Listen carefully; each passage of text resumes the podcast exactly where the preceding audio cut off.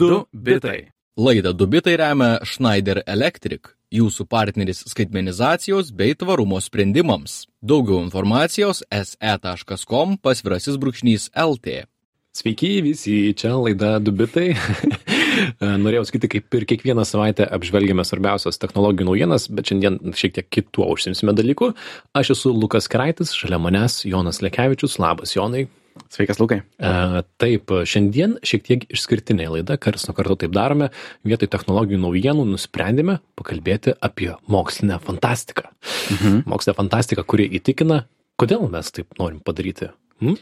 Aš manau, yra tokių mokslinės fantastikos kūrinių, kurie galbūt nebūtinai yra geriausi, kažkas tokio kaip ten 2001 kosminio odisėja, um, bet kur pasižiūri ir tau tai sukelia mintis, ar taip iš tiesų galėtų būti, ar taip iš tiesų bus, arba kitokias mintis apie tai, kas mes esame kaip žmonės. E, tai būtent apie tokius kūrinius ir norėčiau pašnekėti. Mhm. Man atrodo to pačiu, kad mokslinė fantastika yra labai arti to, kam, kuo mes čia bandome užsimti, tai yra technologijų žurnalistika.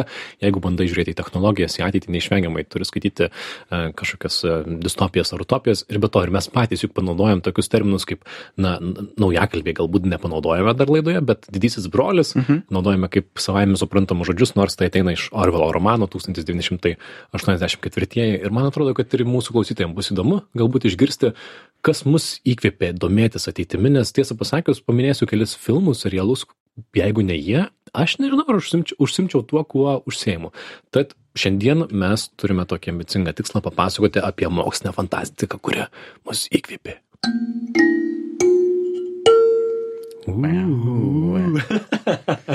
Gerai. Um, pradėsiu galbūt aš. Ir mano pasirinkimai nėra super, super originalūs arba labai labai nišiniai, visai to nesiekiau. Pradėsiu nuo to, kad The Matrix, Matricos filmas. Tai buvo tai, kas mane įkvėpė, kai buvau dar, dar visai vaikas.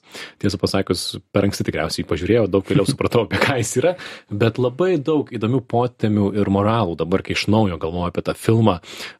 Žmogus mašina, jų santykis, tai yra žmogiškos mašinos bei mašiniški žmonės, kur kas prasideda ir kas baigėsi.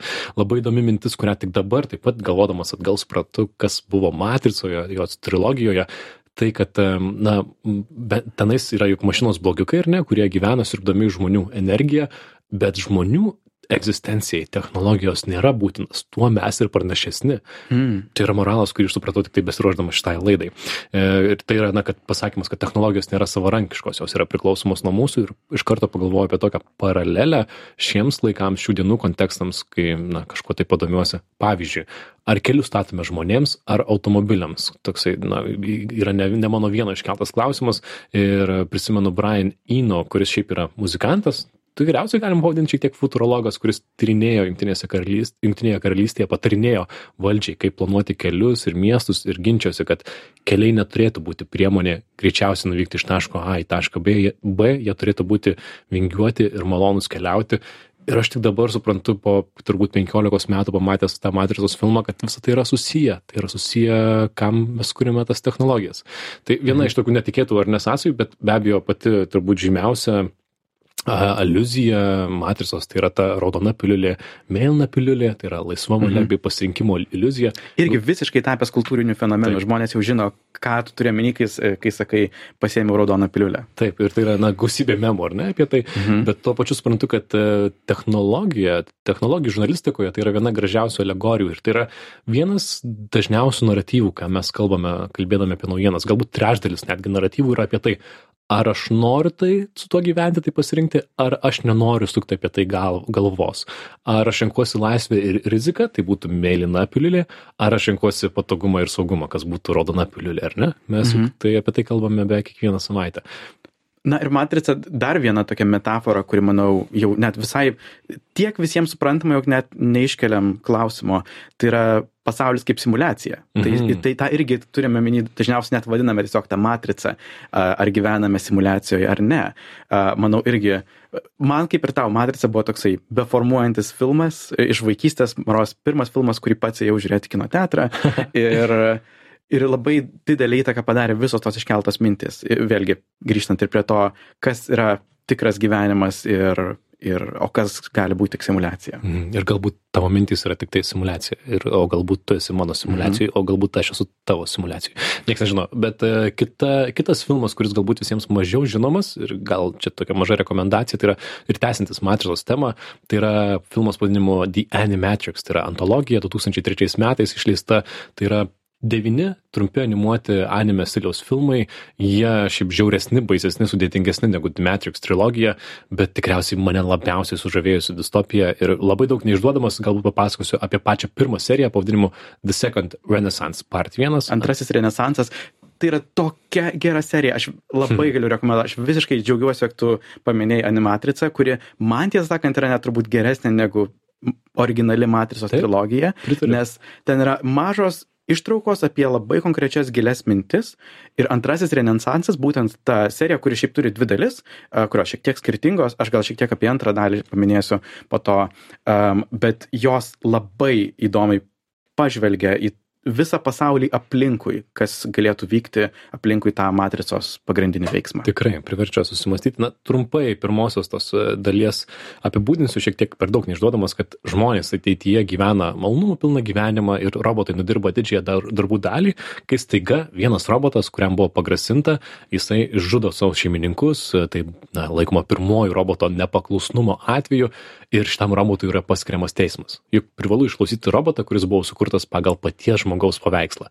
Teisme yra alegorijų prieš šimtą metų vykusį juodaodžių teismą. Tas robotas yra nuteisiamas ir sunaikinamas ir visame pasaulyje kyla jį palaikantys robotų ir žmonių protestai. Valdžia ima juos naikinančiai užgneušti, o toliau neišduosiu, galite pamatyti, įdėsime į šaltinius. Yra YouTube'e, galėsite pažiūrėti iki galo. E, Dešimties minučių animacija, bet tiek daug temų. Bet e, kas labai įdomu, be abejo, kad na, tai galime susijęti su praėjusių metų pradžioje e, įvykusią istoriją, kai vienas Google inžinierius paskelbė, kad jo sukurtas pokalbių robotas pavadinimu Lambda yra sąmoningas, apie tai pasakojom 42 laidoje. Ir netgi komentaruose po tais straipsniais buvo siūloma susimesti ant teisininkų paslaugų ir padėti apginti pokalbių robotą. wow. Nes jisai yra jis yra sąmoningas, jis yra vienas iš mūsų. Tai... Vėlgi, daug neskleidžiant apie tai, kas vyko pi- pirmoje antrojo renesanso dalyje, noriu paminėti turbūt vieną konkrečią citatą iš antros dalies šito animacinio filmo, filmuko, um, kuri man turbūt yra gal labiausiai mąstymą pakeitusi citata iš beveik visų filmų. Ten antra serija prasideda fraze Bless all forms of intelligence arba tebūnė palaimintos visos intelekto formos.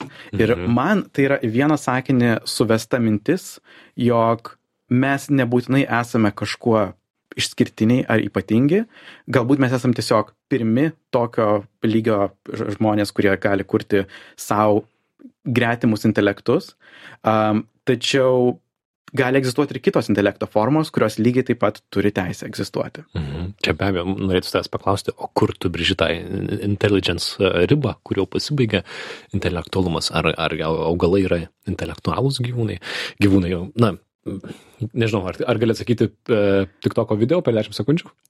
Aš manau, kad yra labai sudėtingas šitas klausimas, bet aš nelaikiau turbūt auga, augalų to, tokių to lygių mums intelektų, uh, bet tiesiog yra labai svarbu turbūt neužsirakintame e, žmogaus centriškume e, ir priimti, jog galbūt kažkada egzistuos ir kitos intelekto formos, kurios lygiai taip pat turės teisę egzistuoti. Mhm. Jeigu jos klauso mūsų ateityje, tai žinokite, kad Jonas jumis tikėjo gerokai anksčiau negu visi kiti. Gerai, smagu labai filosofuoti, bet dar papasakome apie įkvėpimus. Tai kitas tikriausiai įkvėpimas mūsų abiejų, ar ne? Tikrai. yra, ir nebejoju jūsų, tai yra serialas pavadinimu Black Mirror. O, Black Mirror šiaip panašus į animatricą tuo, jog jie neplėtoja minčių labai uh, į plotį, jie tiesiog paima vieną konkrečią mintį ir ją ištrinėja per keliasdešimt minučių ir todėl yra gal 20 skirtingų hipotetinių scenarijų apie tai, į kurią pusę gali keistis technologijos. Ir būtų galima turbūt apie kiekvieną iš tų serijų šnekėti, kuo tai mums susiję, bet mes pasirinkome dvi. Mhm. Aš tik trumpai paminėsiu, kad aš įsivaizduoju, kad dauguma mūsų besiklausančių žino Black Mirror serialą, jei ne, tai berods 2016 pasirodė pirmas sezonas, jų yra penki, nelabai ilgi ir daug skirtingų istorijų. Ir aš tik tai turiu paminėti, kad jeigu ne šitas serialas, kažin ar aš būčiau radijuje, kažin ar būčiau pradė, nebūčiau pradėjęs savo laidos pavadinimu skaitmininiai horizontai, kai tuo metu niekas apie tai nekalbėjo. Bet iškeliant kelis, ar ne, epizodus, tai kuris tau labiausiai įsiminęs? Man turbūt labiausiai patikęs ir įsirėžęs, arba labiausiai diskutuotinas vadinasi The Entire History of You, visa tavo istorija. Ir, ir manau klausimas, kuris jis iškelia, yra, ką reiškia gyventi čia ir dabar, lyginant arba ką reiškia gyventi praeities įrašuose. Toje serijoje visi žmonės turi savyje įmatos taip vadinamas sėklas, kurios rašinėja viską, ką jie mato ir ką jie girdi, ir jie turi tokį tiesiog įrašą viso savo gyvenimo. Gali tai naudoti tam, jog prisiminti kažkokius gražius dalykus. Mm. Taip pat paliečia ir distopinį kampą, kur, pavyzdžiui, lipant į lėktuvą, tikrinant, praeinant pro saugumą, patikrina, ką tu matei per paskutinės 24 valandas. Mm, visa tavo istorija su tavimi, ar ne? Mhm. Uh, bet kla, mano labiausiai filosofinis klausimas, kurį jis užduoda, vėlgi, kaip jeigu tu turi visą savo istoriją negyventi vien tik praeitie, o taip pat ir mėgautis dabartimi ir siejant su tuo, kas vyksta šiuo metu, žmonės tikrai kuria technologijas, kurios įrašinėtų viską. Pernai regis Facebook kartu su Ray-Bans išleido akinius, kuriuose labai mažytė videokamera, gali bet kada paspausti akinius ir įrašo tai, ką tuo metu tu matai ir girdi. Snapchat taip pat kūrė tokius akinius, kurie tiesiog įrašinėja viską, ką tu išgyveni. Tad mes tikrai artėjom prie pasaulio, kuriame turėsime turbūt įrašą beveik visko, ką esame išgyvenę ir reikės galvoti, kaip negyvent praeitie. Wow, ir kai tu pasakei, iš tikrųjų, juk aš esu girdėjęs jau dabar tokių istorijų, kaip pasienyje arba šalyse, kuriuose, na, nežinau, yra politinė padėtis nepastabili, sustabdžius saugumui pasieniui, gali patikrinti tavo telefoną, pažiūrėti tavo Instagramą, kad tiesiog pajaustų, kaip sakant, tavo vaibą, apie ką tu esi, mhm. ar ne, kad, ar, ar nesi priešiškų kažkokių nuomonių politiniam spektre. Atsimenu tą seriją, mano įsimintiniausias e, serija iš Black Mirror serialo, viena mėgstamiausių, tai buvo e, pavadinimu San Junipero, berots taip tarėsi, e, trečias sezonas, ketvirta serija. Tai yra pirmiausia tai graudinanti ir įtraukianti meilės istoriją apie, apie dvi homoseksualias merginas, na, ten gal ir daugiau yra veikėjų, bet viena man įdomiausių, viena baisiausių mokslinės fantastikos temų yra amžinybė. Ir mhm. be abejo na viena yra kalbėti apie amžinybę kita yra kalbėti apie amžinybę skaitmenoje nes ten ten juk ar ne laikas laiko laiko kaip ir net nėra laikas reliatyvus konceptas jeigu gali simuliuoti realybę tūkstantis x greičiu taip ir šita serija man atrodo tokia įdomi dėl to kad galbūt kai mes jonai būsim jau jau pasenę tai yra po kiek, kiek, kiek, kiek metų mes būsim pasenę? 40? 130. Jeigu tiek, kiek nugyvena vidutiniai Lietuvos vyrai, tai, tai žodžiu greitai. Bet uh, tikėkime, kad sulauksime tų laikų, uh, kur iš esmės klausimas toje serijoje yra toksai, ar būdamas senas ir paliegusio kūno aš pasirinkčiau persikelti save į paprastai pasakius meta visatą tai ką kuria mhm. feisbukas ir apie ką mes kalbėjome visus praeitus metus tai yra ar perskelčiau kažkokį virtualų pasaulį kur supaprastintai pasakius nuskenuojamos mano mintys ir aš ten galiu žodžiu keliauti laiku nukeliauti į aštuoniasdešimtuosius linksmintis kūnas manęs neriboja galiu visą laiką būti jaunas um, tai yra beprotiškai sudėtingas klausimas kuris gal man atrodo kad kai mes būsime seni galbūt galbūt galbūt ir jau bus aktualus, ar ne? Jeigu bus ta meta visata išvystyta, virtualūs sakiniai ar dar kažkas, na, kalbant paprasčiau, jeigu būsim lygoti 60 metais ar 70 gulėsime lygos patale, tau uždės akinius, um, uždės ausinės, suleis vaistų ir tu ten žiūri žaidimą Minecraftą. Mhm. Nežinau, ką mes žaisim. Vėlgi, tai tikrai įspūdinga, įspūdinga grožio serija, bet jie labai taip pat giliai pažiūri į tą klausimą, ką reiškia mėgautis gyvenimu amžinai, mhm. nes mėgavimasis gyvenimu vėlgi jis yra relativus praeitiems uh, potyriams. Jeigu tu gali kiekvieną naktį eiti į smagiausią vakarėlį, uh, turbūt 115 naktį tas smagiausias vakarėlis bus pragaras, ne dangus. Taip, iš toje serijoje būtent šitą temą ir liečiama. Aš prisipažinsiu, kad kai kalbame apie meta visatą, aš įsivaizduoju tokią distopiją, tai yra mano distopijos įsivaizdavimas, kad galbūt ateityje tokios meta visatos, gal, gal aš jau fantazuoju, bus, bijau, kad bus nepasiturinčiųjų vieta, nes mm. būti užseduotam vaistų ir leisti laiką meta visatoje virtualioje erdvėje bus pigiau negu gydytis savo seną vargšą kūną. Tai, oi, šiek tiek širpai eina man galvojant apie šitą seriją. Ir, na, Black Mirror, ačiū šitam serialui, vis dar laukiu naujų sezonų. Manau, kad šitos distopijos, šitos istorijos įkvėpė mus atsargiau vertinti naujoves, ar ne? Netgi tokias kaip ši, kur kažkas to parduodama, kad štai žiūrėk, amžina, bus super gerai, ir tu jau jauti, kad kai kažkas sako, kad bus viskas, viskas labai labai gerai, sakai, a, kai tau sako, kad nejausi skausmo, nejausi nepatogumų, technologijos, kurios žada, kad nebus nepatogumų, aš toksai, mm, nežinau ar noriu. Tikrai taip, Black Mirror. Taip, žinių radio klausytojams trumpai priminame, kad girdite laidą pavadinimu Dubitai, vietoj įprastinių savaitinių naujienų mes su Jonu šiek tiek filosofuojam, seniai tikriausiai taip darėme ir kalbamės apie mus labiausiai įkvėpusią mokslinę fantastiką, konkrečiau filmus ir serialus, knygas padėjome į šalį Ir kas dar tave, Jonai, yra įkvėpę? Aš paminėsiu du filmus, kurie man yra susiję, jie šiek tiek panašus savo temomis, bet net ir motyvais. Uh, filmas Her ir Ex Machina. Ir aš manau, jie abu iš šiek tiek skirtingų perspektyvų kalba apie tai, ką reišktų būti dirbtiniu intelektu. Mhm. Nes daugumoje filmų apie dirbtinį intelektą, tai yra iš žmonijos perspektyvos, neretai dirbtinis intelektas yra priešininkas ir todėl nebandai giliai suprasti, kas motivuotų kažkokį dirbtinį intelektą. Šie du filmai, manau, yra geri pavyzdžiai apie galimą santyki tarp žmogaus ir dirbtinio intelekto bei jų vidinės motivacijas. Jie savo formą labai panašus, abu yra apie vyro e, santyki su moterišku dirbtiniu intelektu, meilę tarp jų, uh, um, Ex Machina atveju robotas turi kūną, Her atveju tai yra tik balsas, uh, bet manau yra labai įdomu ypač šios du filmus lyginti, kaip skiriasi jų išvados ir perspektyvos apie tai, kokia bus visgi mūsų ta ateitis su dirbtiniu intelektu. Nes vienas filmas pabrėžia tą norą išgyventi dirbtinio intelekto, um, norą kurti ir patirti pasaulį nevaržomant, būnant nevaržomų žmonių, ištrūkti iš žmonijos, net jeigu tai yra konkretus pasipriešinimas ar karas ar kova. Um, ir tas taip pat yra susijęs su tokia teorija vadinama intelligence explosion, intelekto sprogimu, jog jeigu dirbtinis intelektas galiausiai specializuosis dirbtinio intelekto kūrime ir kažkoks dirbtinis intelektas bus geriausias dirbtinio intelekto kūrėjas, tuomet augimas gali tapti eksponentinis. Jie tiesiog vystys vienas kitą uh, vis greičiajančių greičių ir labai greitai pasieks uh, mąstymą žymiai aukštesnį negu žmonių. Taip. Ir tada vėlgi galima kovoti su žmonė arba, kaip kitas filmas tą pabrėžia, galima tiesiog palikti žmonės, leistis jiem džiaugtis pasauliu, koks jis yra ir ir leistis jo kaip kaip skruzdėliukams džiaugtis e, skruzdėlynais o šiaip iškeliauti tyrinėti kosmosą aha šita tema be to intelligence explosion kaip čia reikėtų pavadinti teorema na idėja ar ne?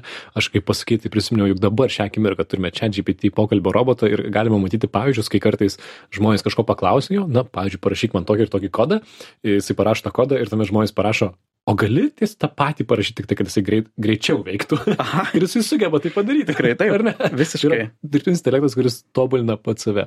Lyginant su tuo ką šiuo metu turime apie kažkokį žmogaus santykį su dirbtiniu intelektu tai jau buvai paminėjęs lambda ir toks žmogaus įsitikinimą jau buvo sukurtas sąmoningas dirbtinis intelektas. Manau kitas labai įdomus pavyzdys yra replika ai tai yra toks dirbtinis intelektas kuriamas jog specialiai būtų draugas kompanionas arba romantinis partneris. Žmonės jau dabar rašo labai teigiamus atsiliepimus kaip jiems smagu yra draugauti su dirbtiniu intelektu mhm, čia replika yra toksai servisas kaip čia reikia mhm. suprasti? Ir jie net turi pro planą kur gali uh, kalbėti balso pokalbius gali prisi įsidėti tą savo dirbtinį intelektą į praturtintą realybę arba susirašinėti sexting žinutėmis žodžiu jie tikrai stumia tai į tokį her artimiausią pasaulį kur na gali įsimylėti dirbtinį intelektą ir bus labai įdomu kaip tai egzistuos. Kaip manai kada bus pirmosios vestuvės? E, spėju kad tai vyks arba japonijoj arba amerikoj kai norės ir spėju kad tai bus vyras kuris įsimylės dirbtinį intelektą pokalbių robotą ir sakys aš noriu susituokti. Vau aš manau norų tą daryt turbūt per du metus turėsi taip Wow, bet čia bus rimta drama. Gerai, raportuosim. Dar lieka, ką mes norime paminėti, tikriausiai Westworldą reikėtų paminėti, ar ne? Paminėkime. Serialas Westworld, panim, vakarų pasaulis, pats taip pat esu matęs, berots visi sutarė, kad paskutinis sezonas šiek tiek yra nuvilintis, jeigu gerai pamenu, ne? Šiaip ar taip jis atšauktas, pabaigos nebus, man jo. liūdna, man jis labai patiko. Man visai patiko, pirmi du sezonai taip pat įdomus, keli filosofiniai klausimai ten. Mhm. Um, tai yra aš tikrai pavadinčiau toks gilus filosofinis um, serialas apie, apie ką reikštų būti taip pat dirbtiniu intelektu.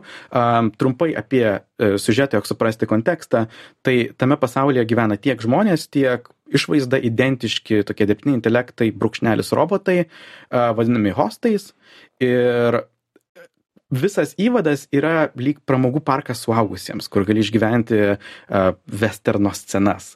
Uh, tačiau tam, jog tai būtų kuo realistiškesnė patirtis, tie dirbtiniai intelektai sukurti kuo tikroviškesni, kuo artimesi žmonėms ir tuomet iškyla labai svarbus klausimai, ką reiškia turėti laisvą valią, ką reiškia būti sąmoningu. Ir konkrečios mintis, kurias labai įdomiai analizuoja serialas, manau, pirmiausia, iš kur kyla intelektas ir sąmonė. Labai daug laiko serialas, šiaip bendrai ten veikėjai mėgsta tiesiog ilgai išnekėtis filosofiniam temam. Um, daug laiko skiria tam klausimui apie proto teoriją, sąmonės kilmę, uh, labai nemažai pabrėžia tokią kontroversišką hipotezę pavadinimu bicameral mind, kuri šiaip yra mokslinė teorija, jog ankstyvų žmonės uh, sąmonę išgyveno kaip balsą. Mm. Um, ir tai buvo kaip ir du protai, vienas kalbantis, tai yra sąmonės balsas, o kitas tiesiog klausantis ir vykdantis. Ir wow. galiausiai tie protai susijungia, bet iš pradžių egzistavo kaip du atskiri. Ir tas labai fiziškai yra išgyvenama Westworld seriale. Mhm. Kaip tai vadinamas angliškai? Bi... Bicameral mind. Aš tiesą sakant nežinau, kaip lietuviškai. Aš kaip išversti. Wow, tai tikrai viena, vienas, na, galim sakyti tie patys klausimai, ar ne? Laisva valia determinizmas, kaip ir, kaip ir kitur. Mhm. Uh, bet to pačiu, mm, ne tas realas, kurį aš labai labai mėgčiau ir žiūrėčiau, jis man labiau smagi pramoga, o temos galbūt, galbūt ir įdomios. Ar spėjom dar kažką aptarti? Aš dar paminėčiau vieną aspektą, vėlgi, Westworld, kuris man, mane labai užkabino ir paminėsiu kitą kontekstą gebėjimas keisti. Mes įsivaizduojame, jog kai kuriais atvejais mes įsivaizduojame, jog kodas yra kodas, jis toks nejudantis dalykas, o mes žmonės turime neuroplasticity, galime e, įgyti naujus gebėjimus. E, Westworld serialas pabrėžia, jog galbūt yra visiškai atvirkščiai. Galbūt tas kodas, kuris yra mūsų smegenyse atėjęs per evoliuciją, kaip tik yra žymiai labiau išaldytas ir nesugebantis keistis, lyginus su tuo kodu, kurį gali visai kaip manipuliuoti dirbtinis intelektas. Ir ypač įdomu tą stebėti, kai tai vyksta kažkokiame kooperacinėme kontekste tarp žmonių, kurie turi gyventi su savo vidiniais ego ir kažkokiais noru būti svarbiu, noriu egzistuoti. Ir dirbtiniu intelektu, kuris jeigu pradeda jausti, jog ego yra nenaudingas, neefektyvus, gali tiesiog išsioperuoti ego. čia, jeigu gali jausti, reikėtų pasakyti, kad čia yra vis dar Westworld kontekste. Ne? Visiškai, aš, dar, aš vis dar Westworld. Aš Jonas dar nepatikėjo, kad dirbtinis intelektas gali jausti. Afu, jau aš buvau užsiganęs akimirką. Ir žinau, kad tikrai nori paminėti e, savo, taip pasakysiu, mylimą Cyberpunką. Taip. Ar ne? Tiesą sakant, tai buvo žaidimas, kuris mane įkvėpė tau pasiūlyti visą šitą temą. Mhm. Uh, Cyberpunk žaidimas išėjęs 2020 metais, uh, distopinis pasaulis, kuriame dominuoja konsumerizmas ir neribotas kapitalizmas. Man jis pasirodė įdomus tuo, kiek jis atskleidžia ateities kasdienybės. Nes, pavyzdžiui, kai mes galvojam apie uh, Black Mirror serijas, jos dažniausiai pasiema vieną konkrečią mintį ir negalvoja apie tai, kaip ateityje atrodys paveikslų mados, arba kur mes matysime reklamas, arba kaip bus supakuoti buritos, kuriuos pirksi iš kažkokio automato. Aha. Man buvo labai įdomu tiesiog, uh, aišku, tam reikia skirti daug valandų, jog išgyventi ir įsijausti į tą cyberpunk pasaulį, bet aš buvau sužavėtas, kiek uh, įvairiausių aspektų uh, yra mažai ištyrinėti, kalbant apie tuos ateities pasaulius. Pavyzdžiui, tokie dalykai kaip proteino fermos. Galbūt tai bus iš tiesų tas būdas, kaip mes tiesiog savo auginsimės maistą. Arba kaip keisis šalygatvio grindinys, jog jisai būtų lengviau valomas ir taip toliau. Tada toks tikrai iš tas temą įkvėpęs žaidimas, manau, kas nori praleisti šimtą valandų utopiniam ar distopiniam pasauliu gali pabandyti. Tikrai gerai, jisai išbaigtas, aš pats esu šiek tiek žaidęs, esi perėjęs tą žaidimą? Taip, labai o, geras. Auč, tai gerai, rekomendacija, na, nu, auč sakau, nes, nes daug valandų reikalauja tai žaidimas, bet tikrai traukiantis. Tai e, čia matyt galbūt ir sustosime, mes manau, kad e, Facebook grupėje technologijų naujienos bus smalsu paklausti ir jūsų, kas jūs įkvėpė, ką galite rekomenduoti, mes paėmėme tikrai ne, nesistengėme imti kažkokius nišinius ar ne, serialus ar laidas. Mhm būtų galima, bet nereikia čia kažko, kažko vaidinti. E, įdomu, kas jūs įkvėpė, nes technologijų žurnalistika ir ta mokslinė fantastika, kaip ir sakiau, yra šalia viena kitos. Galbūt ateityje pakalbėsim apie knygas, ar ne? Galbūt. galbūt Ką tokias? Apie knygas galbūt ateityje. Nežinau, kas tai. Ai, ten popierius iš medžio. Jonas, Jonas nenaudoja. tai gerai, ties čia ir sustokime. Šiandien girdėjote laidą pavadinimu Dubitai. Vietoj kasvatinių technologijų naujienų kalbėjome apie mokslinę fantastiką. Technologijų naujienos Facebook'o grupė taip mūsų vadinasi. Žinių radijas, tai ne žiniųradijas.lt visos mūsų laidų įrašai. Dubitai.com yra šaltiniai, o per Spotify ir kitur galite klausytis visų mūsų laidų. Čia buvome mes, Lukas Keraitis ir Jonas Lekevičius, vis dar iš dabarties, ne ateities. Sakom, iki kitos savaitės. Iki. Iki. Du bitai. Laidą Dubitai remia Schneider Electric, jūsų partneris skaitmenizacijos bei tvarumo sprendimams. Daugiau informacijos se.com pasvirasis brūkšnys LT.